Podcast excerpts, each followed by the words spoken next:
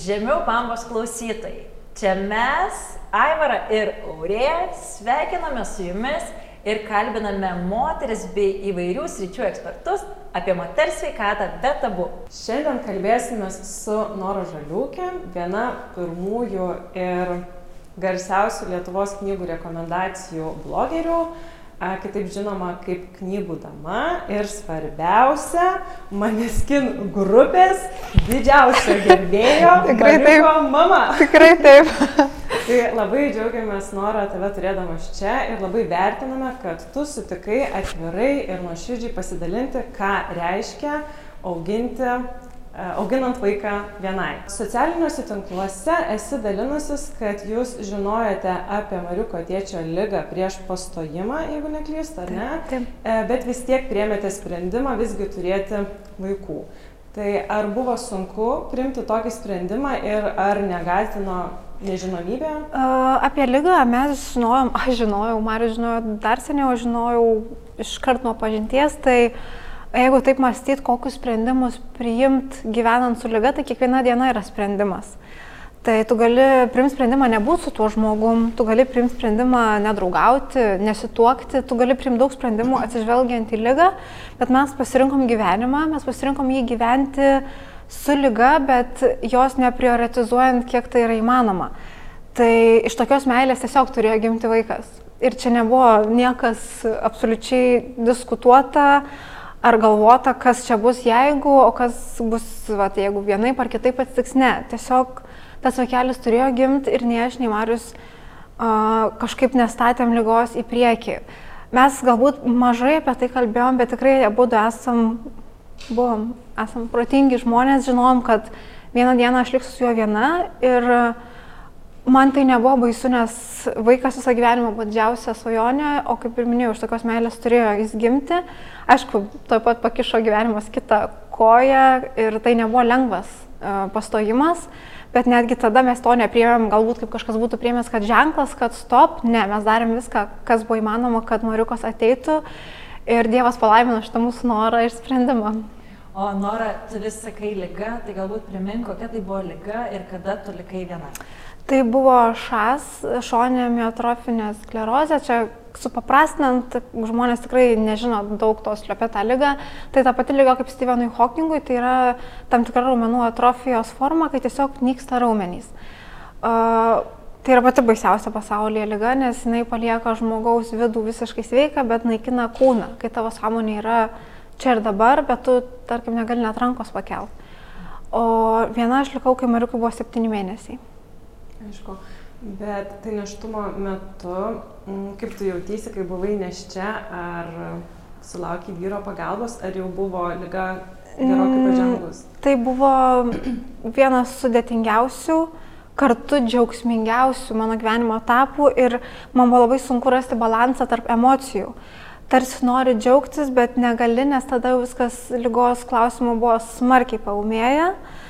Tai e, buvo nu, labai labai sunku, bet aš esu tikrai kažkaip man Dievas duoda tų jėgų labai pozityvus žmogus ir stengiuosi visur matyti šviesę pusę.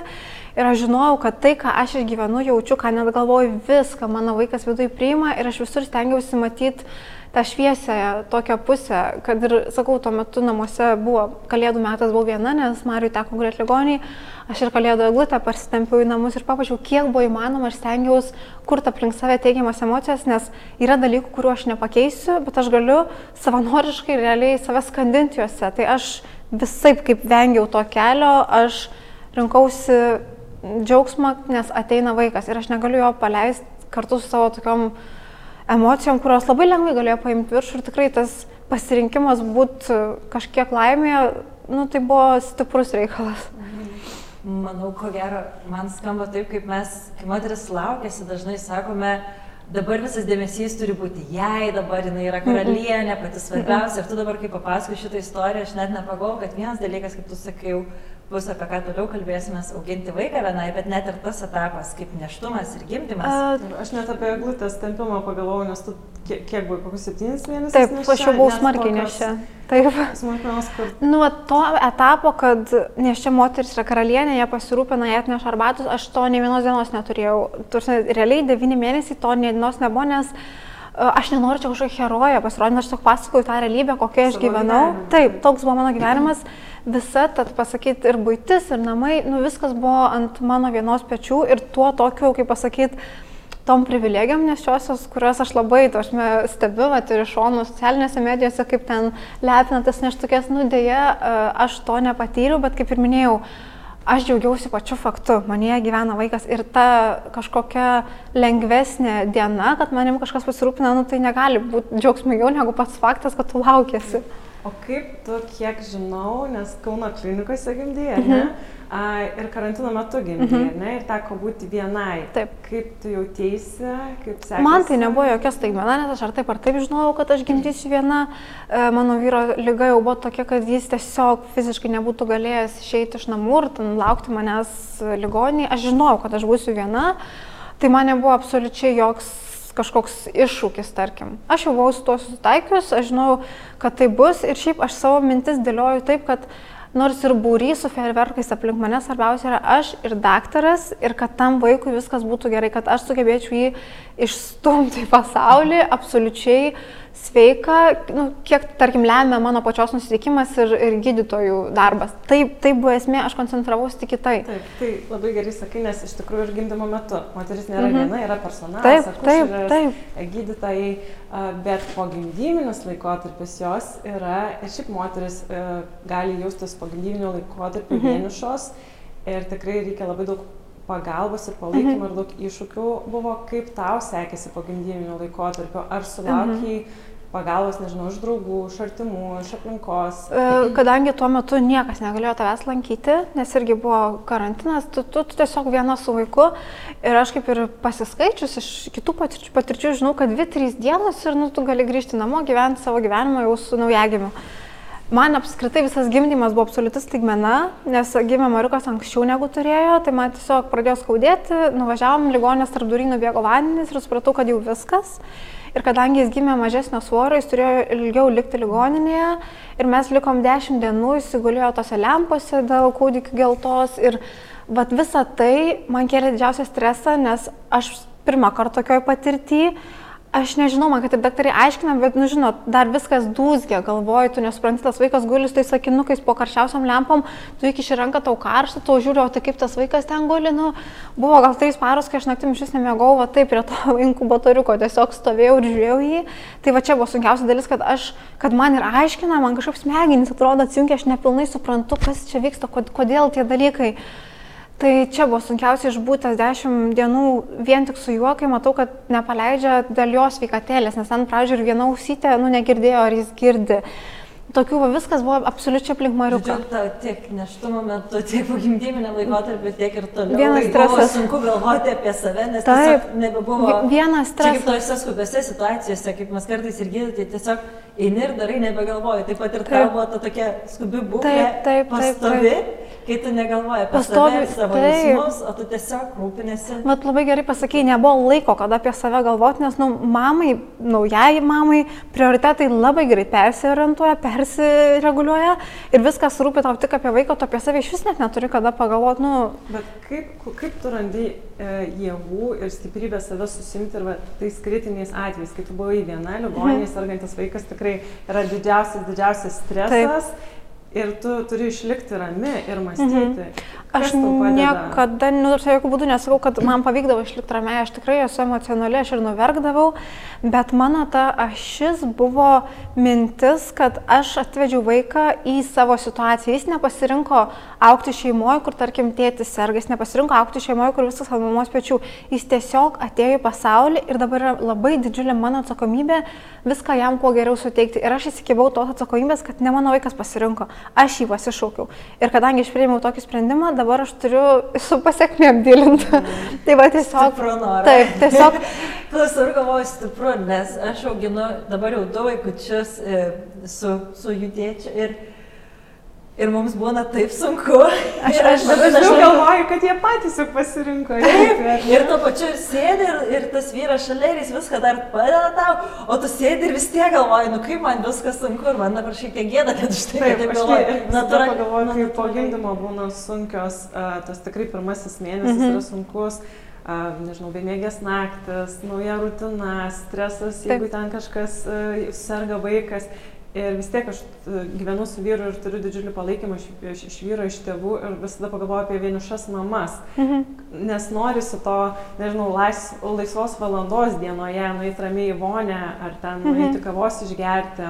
Aš su laiką savo kažkaip, nu, ne iš karto man tas suvokimas atėjo, bet kaip ir minėjau, kadangi esu labai emocijų žmogus, aš įsivaizduoju, kad jeigu būčiau augus, augus auginus Mariuką nuo pat pradžių ir neštumo metu, e, nu, prasme, tvarkingoje šeimoje, kur, tarkim, visi sveiki ir visi gali padėti, aš būčiau buvus visai kitokia, nes tokia aš tikrai būčiau labiau išlepus ir labiau stresuojanti, bet kai tu realiai negali savo to leisti, nes tu turi pasirūpinti ne tik ką tik gimusių kūdikių, bet ir sergančių vyrų, tu negali savo leisti panikuoti dėl menknekių.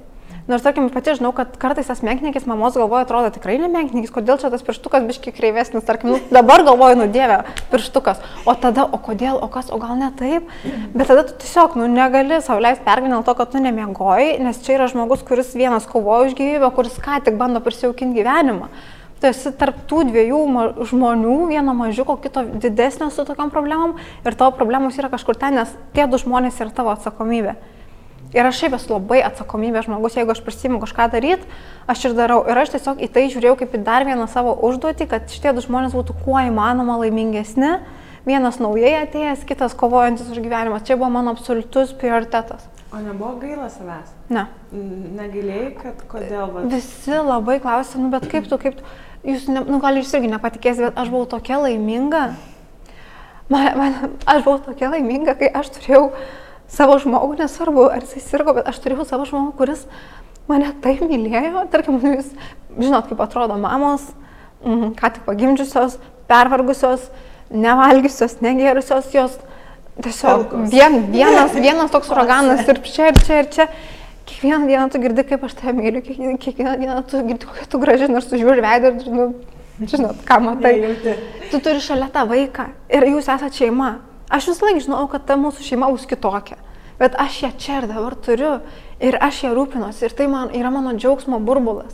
Aš niekada savęs negalėjau, aš kiekvieną dieną Dievui dėkojau. Tai atrodo iš šono žiūrint galbūt neįtikima, bet aš taip jaučiausi ir aš nemeluoju dėl to ne, ne, ne gramo. O aš dar galvoju, e, kadangi gyvenu Danijoje ir ten tenka sutikti nemažai solo mamų, mhm. tų, kurios savo pasirinkimu yra solo mamos, e, nes ten galima ir dirbtinę apvaisinimą atlikti tiesiog mhm. moteriai vienai, jeigu ji to nori. Taip. Žinoma, turi atitikti daug įvairių kriterijų. E, tai irgi kažkuria prasme pasirinkimas moters vienai turėti vaikelį man irgi neretai ir įvairiose grupėse susitikdavau, bet iš tiesų yra į jų solo mamų grupelės, mhm. kurios kaip solo mamos eina atskirai yra tiek vaikų mankštelės, tarkim, Taip. solo mamoms, tiek tiesiog mamų grupė su kūdikiais tokio pačio amžiaus solo mhm. mamoms, yra labai daug visokių veiklų ir bendruomenių joms. Tai, e, va kaip ir mes surė sakom, mums e, net nesuvokti, koks tai kitoks yra gyvenimas mhm. ir išgyvenimai. Ar tau teko sutikti kitų solo mamų, kurios Taip pat augintų vaikus vieną. Deja, ne. Ir man ne tik, kad neteko jų gyvai sutikti, bet aš tokių, gal aš tiesiog nematau, nerandu, ar manęs nepasiekia nei socialinėse medijose, aš tokių variantų kažkaip nematau, bet aš bandau tai aiškinti tuo, kad, nu tikrai tos mamos neturi laiko. Nei dalintis, nei ieško draugysčių, nei kažką. Ir ypač jeigu, tarkim, ta padėtis finansinė yra sunkesnė, kad mama dar turi dirbti, tai kur jie kada pasakoti apie savo išgyvenimus čia yra toks užburtas ratas, tu galbūt nori dalintis ir nori susirasti draugų, bet aš pilnai savo kailiu suprantu, kaip yra sunku rasti laiko pa, kažkam papildomai. Mhm. Tai galbūt čia vat, yra tas toks dalykas. Bet tokios bendruomenės kaip ir neteko rasti mm -mm. ar girdėti, nes mums irgi rašo mamos ir nežinom, ką rekomenduoti. Sako, nu, kad mm -hmm. ir, tarkim, eiti pasivaikščioti vežimėlį, mm -hmm. pastumdyti ir pasiskūst, pasidalinti išgyvenimą su kita mama. Tai labai nes sveika. Kita mama, kuri turi ten pilną didžiulę šeimą, jinai tikrai taip, taip negali suprasti. Mm -hmm. Tai yra visai kitas pasaulis. Taip. taip, nes tu irgi, ko gero, žinai, tą ypatingai kūdikio etapą, kai e, yra kartais sunku ir jie nemiega mm -hmm. ir verkia tada eini arba stumti vežimėlį, mm -hmm. arba namie vyksta išgyvenimas, tai kartais tą išgyvenimą smagiau turėti draugę, tai būtų labai taip. smagu, jeigu kažkokiu būdu. Čia ge ge gera idėja. Taip, tikrai, tikrai taip. Tai jūs e, grįžtant prie pogimdyvinio laikotarpio ir tų visų iššūkių ir sunkumų, tai kaip ir minėjai, tiesiog, kaip supratau, tiesiog išmokai gyventi ir džiaugtis šią dieną Taip. ir negalvoti per daug, kada jau uh, vyras visiškai nusilps, Taip. ar ne? Aš apie tai negalvau, aišku, aš buvau priversta apie tai galvoti, nes visgi tu turi mokėti rūpintis, slaugyti žmogų, tai buvo mano gyvenimo dalis, bet aš ją taip ir priemiau, kaip mano gyvenimo dalis. Ne kažkas, kas kabo virš mano galvos, kaip koks damoklo kardas, ne kažkas, kad to Dieve, kaip man čia sunku. Tai buvo mūsų šeima, mūsų gyvenimas, mūsų rutina, mūsų kasdienybė. Vienų jinai vieno, vienokia, mano buvo kitokia. Aš ją priemiau absoliučiai natūraliai. Taip, su vaikeliu atsirado dar daugiau naujų iššūkių, bet, jis, bet tie iššūkiai niekada nebuvo man kaip kokia našta. Aš juos priėmiau kaip džiaugsmą, aš to norėjau, aš dabar tai turiu. O kas buvo pas, pats, pats, sunk, pats sunkiausias dalykas? Pats sunkiausias dalykas buvo neįsileisti mm, prognozių į galvą. Tai buvo pats sunkiausias dalykas. Bet kadangi mano sesuo yra medikė, jinai niekada nuo manęs neslėpė, kad viskas čia tau bus gerai ir čia tie dalykai yra pagydomi, jinai man laiką sakydavo tiesiai šviesiai, tai jinai buvo tas realybės skambutis man toks, kad vis tiek tai bus. Ir tu, jeigu dabar čia sėdėsi ir naktim pergyvensi, prognozuosi, tai nepasikeis. Tu turi mokėti gyventi, mokėti džiaugtis. Ir aš taip ir dariau, bet tai, buvo, nu, tai tikrai buvo didelis darbas su savim ir iššūkis man tikrai, vien, tikriausiai galbūt net didžiausias. Tas, kaip tu sakai, realybės skambutis, kur labai labai nenori skambinti, nes Taip, jau žinai, ką taip, išgirsti, bet, taip. na, jis Bet jis turi būti taip. Ir kai vyras numirė, kaip tu tą laikotarpį išgyvenai, nes turėjai rūpintis, juk septyni mėnesiai buvo, ar ne? Tai Mhm. visiškai dar kūdikėlis, ar iš aplinkos kažkokį palaikymą? E, daug, daug dienų ir etapų man yra absoliučiai toks blank space. Aš daug dalykų tiesiog, jie kartais nuotrupom kaip ir grįžta, bet tai buvo man kažkoks užtemimas. Ir aš esu labai, labai, labai dėkinga savo sesiai, jūs medikės, jūs žinot, koks yra grafikas ir kaip sunku gauti pusdienį laisvą. Jis atrodo savaitę su manim gyveno, nes nematė, kad arba dabar, arba niekada, nes aš jau grimzdau nežinau kur. Bet vėlgi tas vaikas. Ta pati mintis, aš jį pasikviečiau, jis negali manęs matyti tokios. Be abejo, tai nebuvo, kad aš apsimetinėjau prie jo, jis matė mane ir verkiančią, ir palūžusią, ir, ir absoliučiai dugne, bet kai jau pamažu pradėjo ateiti suvokimas, kad jis čia nu, nepasirinko to. Aš negaliu būti antiek savanaudė ir užsidepresuoti savo liūdėsi, nes tai yra lengviausias kelias. Lengviausias kelias yra savęs gailėti, e, pergyventi dėl to, kas buvo, tau čia taip nutiko, dabar tu likai viena, tavo gyvenimo meilė išėjo ir, ir kodėl man, taip, tai buvo mano etapas, bet aš labai dėkinga esu Dievui, nu, aš tikinti ir tikrai daug melžiausi, kad tas etapas man truko labai trumpai, kad jis man atsintė tą sveiką protą, kad tai yra savanaudiška. Savanaudiška mano vaiko atžvilgiu, savanaudiška mano šeimos atžvilgiu, kurie mato mane kenčiančią, kuriems yra lygiai taip pat skaudu mane tokia matyti, bet kertinis dalykas buvo mano vaikas. Ir ko gero, mes irgi kaip turinčios vaikų žinome, kad kartais būna labai labai sunkių etapų ir kaip tu sakai, gali ir apsiverkti, ir įsteriliuoti, mm -hmm. ir visko gali būti, bet kartais tiesiog pasižiūri, tu jį Taip. ir tam tikru momentu padeda ir nurimti. ir Vaikas priverčia būti čia ir dabar. Taip, jo, taip, taip. Ir juo labiau, kad ne, ne, ne tik aš esu nuskriausta, aš esu suaugęs žmogus, aš tai išgyvensiu, primsiu. Man yra sunkiausia, kad jo dar tik laukia tas etapas, kai aš jam aiškinsiu, kas nutiko. O tada bus sunkiausia. Paaiškinu vaikui, kodėl yra taip, o ne kitaip. O kiek dabar yra metų mariukui? Nu, Du su pusė. Tai jau jis kalba, ar Kalba. ne? Ir uh, kažkiek pasakoja apie uh, tėvelį, ar... Tai yra labai jautri tema. Aš lankausi pas, psichologę, kuri man padeda išmokti apie tai kalbėti, išmokti, uh, nu, tiesiog mokina, kaip vaikui tai pasakyti, nes tu negali prieiti ir tiesiog išdėsti. Negali, jis negali to išgirsti iš šono, jis turi išgirsti iš mamos. Ir būtent pokalbis su psichologija mane veda prie to, nu, aišku, dabar jis tikrai dar nesuprastų. Jis sako žodį tėtė, bet jam yra tokia abstrakti frazė, tai kažkas, ką filmuke galbūt matau. Aš jam matau aiškinti, bet kadangi aš pažįstu savo vaiką, aš matau, kad jis dar, nu, jis pilnai nesupras to. Dėl to reikia tiesiog stebėti vaiką ir laukti momento, kada tai pasakyti būtų jau vertinga. Nes ko gero, tikrai dabar jau e, ir pati, kadangi turiu tokią pačią amžiaus mergytę, ypatingai pareinant iš darželio būna, o, o kur e, mano tėtis, mhm. kad, e, o, kur, o kodėl, e, tarkim, mano draugė turi dvi mamytės ir Mhm. panašiai, tai dabar jau prasideda po truputėlį tie klausimai. Pas Mariuką dar ne, Vat aš sakau, jisai, kaip ir prieš pokalbį jau minėjau, jis yra labai veiksmo žmogus. Pas jį pokalbį tai yra noriu paduok, kad nešk nenoriu. Taip, reikia veikti.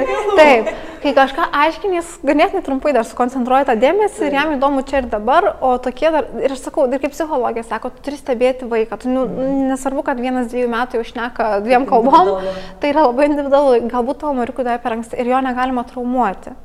Va, aš, aš kadangi to labiausiai bijau, dėl to aš ir konsultuojuosi su specialistais, kaip man tai daryti. Man skamba kaip, ko gero, vienas geriausių patarimų, manau, tokiuose situacijose, kaip smagu, kad nusprendė ieškoti specialistų pagalbos, nes tikrai taip. čia toksai dalykas, kuris gali paveikti irgi žmogus. Tikrai taip, ir nu, tu negali žmogus būti visų galų meistras. Aš nežinau, kaip tai padaryti. Aš galbūt jaučiu geriausiai savo vaiką, bet tai yra ne tas rytis, kur gali vadovautis nuojauta. Čia reikėjo patarimo, kad netraumuot vaiko ir kad, kad tiesiog tai padaryti kuo įmanoma švelniau ir tikriau jam. Ir vis tik tai norą, nepaisant tokių patirčių, kaip tau užteko jėgų bandyti gyventi iš naujo, galbūt kaip užteko jėgų ir kaip susipažinai su savo nauju draugu. tai tiesiai prie reikalo. Tu, tu, taip, aš, aš tikiu ir pilnai suprantu, čia yra labai natūralu. Tų jėgų kartais atrodo, kad nebeužtenka, bet o ką daryti? O ką, o, o ką daryti? Tu keliesi kiekvieną dieną. Tai buvo savaičių mėnesių, kai aš tiesiog roboto režimu keliesi maitini, keiti pampersą migdai, keliesi maitini. Tu dirbi roboto režimu vien tam, kad neįsileistų savo minčių, bet e, kadangi aš turėjau nuostabų santykių su Marium, aš negalėjau būti vėl savanaudė ir aš tikiu, kad jis yra, tikiu, kad jis mato, tikiu, kad jis uh, žiūri į mus. Ir mes buvom apie tai kalbėję ir aš negalėjau savo leisti tiesiog sugniušt dėl vaiko, nes jis nėra mano vienos. Jis nėra mano vienos, aš turiu atsakomybę. Ir būtent ta mintis, kad aš turiu būti dėl jo ir kai tu įsijauti tą veiklą su vaiku, tu matai, kaip jis auga, keičiasi pirmieji žodžiai, tu natūraliai panyri į tai ir tiesiog tu pamatai, kad gyvenimas vyksta toliau. Ir kai tu susiduri savo akim, čia ir dabar su jo to gyvenimo laikinumu, kai tu pamatai, kaip jis gali greit baigtis, tu pradedi vertinti kiekvieną dieną ir tada ateina suvokimas, kad aš turiu iš jos imti viską. Aš turiu gyventi toliau, mano vaikas turi būti laimingas, jis turi matyti laimingą mamą. Nes aš nežinau, kas gali nutikti. Šiandien ir toj poryt man, jam, nedaug dieve. Ta kiekviena diena turi būti šventė ir aš turiu iš, išmokytis iš savo tos patirties. Taip, jinai buvo pats baisiausias dalykas, koks gali, galėjo nutikti man, Mariukui, bet tu irgi gali į tai pažiūrėti iš kitos perspektyvos tu gali iš jos pasimokyti ir suprast apie gyvenimą. Kad jis yra per trumpas, kad tu galėtum savo leisti kažkur liudesys skandintis. Tai yra neišvengiamas periodas, tas liudesys, gėdėjimas, tai yra neišvengiama. Mes, nu, niekas tai patyręs tiesiog kitą dieną neatsikėlė ir nenuėjo kavytės gerti. Bet kai tu tai praeini, tu vis tiek stovi kryškelį, arba tu toliau murktaisi, arba tu sukaupi visas jėgas ir pasirinki tą sunkų kelią, bet tas kelias duoda daug didesnių vaisių, kaip man, davė naują etapą, naują žmogų, kuris irgi nebuvo kažkaip, tai galvoju, tai aš čia sėdėjau Tinderį ir svaipinau, kuris čia būtų geresnis tėtis Mariukui. Ne, tai buvo natūraliai, tai buvo absoliučiai neplanuota, bet tai buvo labai gražu. O su nerimu aš susipažinau prieš 8-9 metus, kai dar dirbau knyginė Pegasas, jis buvo vienas iš, iš klientų. Tada įsišnekėjom, irgi ten buvo tokia jokinga istorija, bet gal dar jos nepasakosiu, nes ten komedijos verta.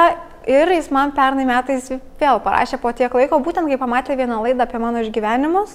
Ir jis parašė, kad tave atsimenu iki dabar, bet labai gaila, kad va, taip nutiko, tikrai labai išgyvenu tavo, nes jis pats ko ne tuo pačiu metu turėjo skaudžių netekčių.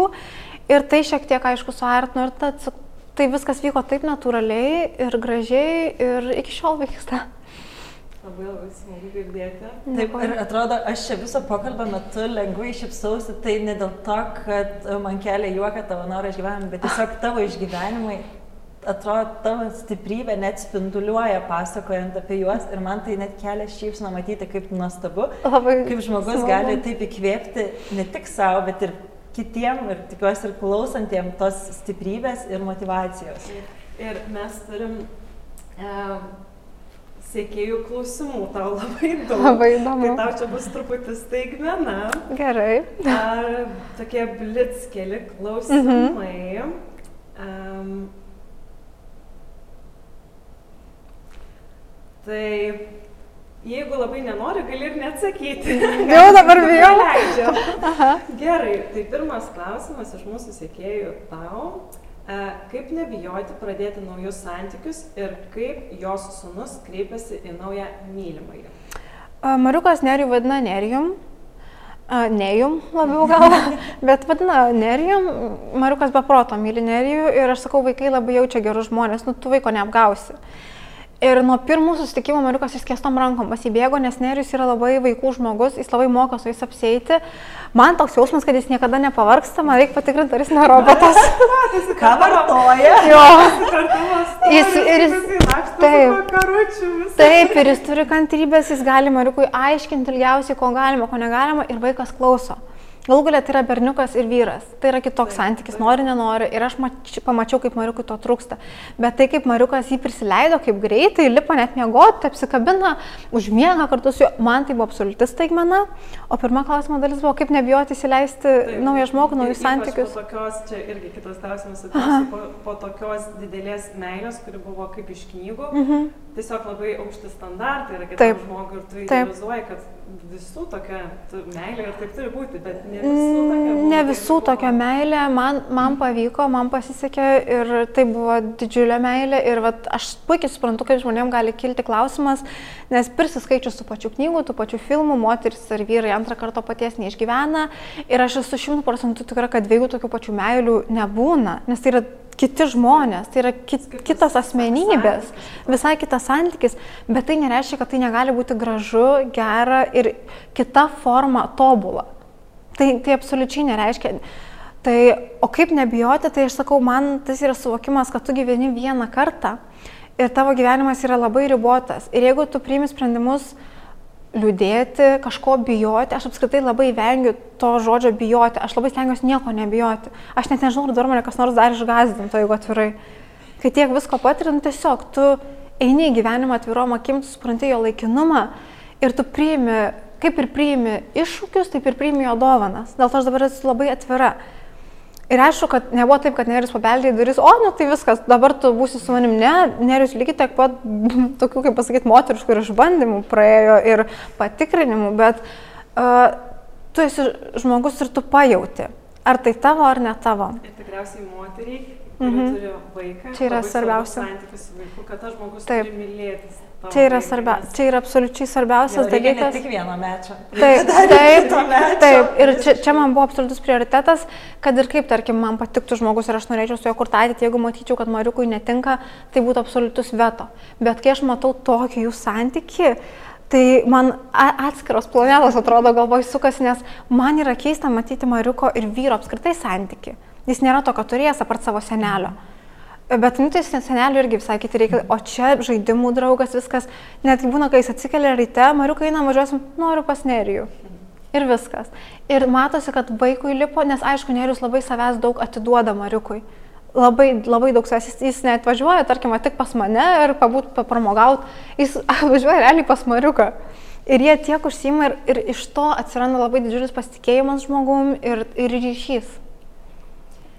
Kitas klausimas. Kokią pagalbą būtų vertingiausia pasiūlyti, ką tik paliktai mamai su naujagimiu?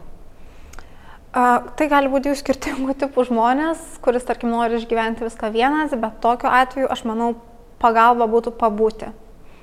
Išklausyti, leisti skūstis ir dėti, ką nori iš šuns dienas, nes tu, jeigu tu esi geras draugas, tu privalai to išklausyti, nes atvirai žmogus, nu, retas, kuris turi pakalbėti daug žmonių, su kuriais gali tikrai atvirai viską pasakyti. Tai aš tiesiog pasiūlyčiau išklausyti, pabūti, tokią formą, kokią tas žmogus nori. Tyloj, pokalbėje, filme, kine, mieste, pabūti. E, Dar vienas blis klausimas. Ar po tokios patirties ir išgyvenimo ryštumės turėti dar vieną vaikelį? Taip.